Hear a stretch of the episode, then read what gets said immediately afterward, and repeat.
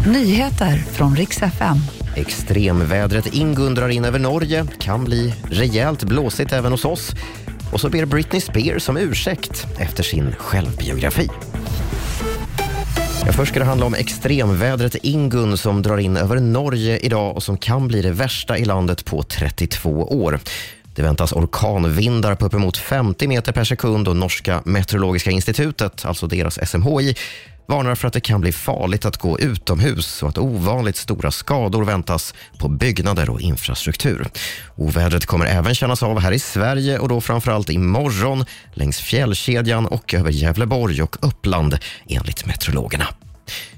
Nu ska vi till Ryssland som drabbades av ett stort internethaveri igår kväll. Hundratals webbsidor och tjänster påverkades, bland annat landets största sökmotor och en stor sociala medieplattform.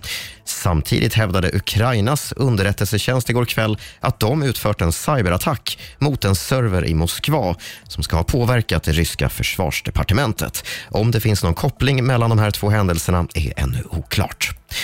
Sist ska det handla om Britney Spears vars självbiografi blev väldigt omtalad när den kom i höstas.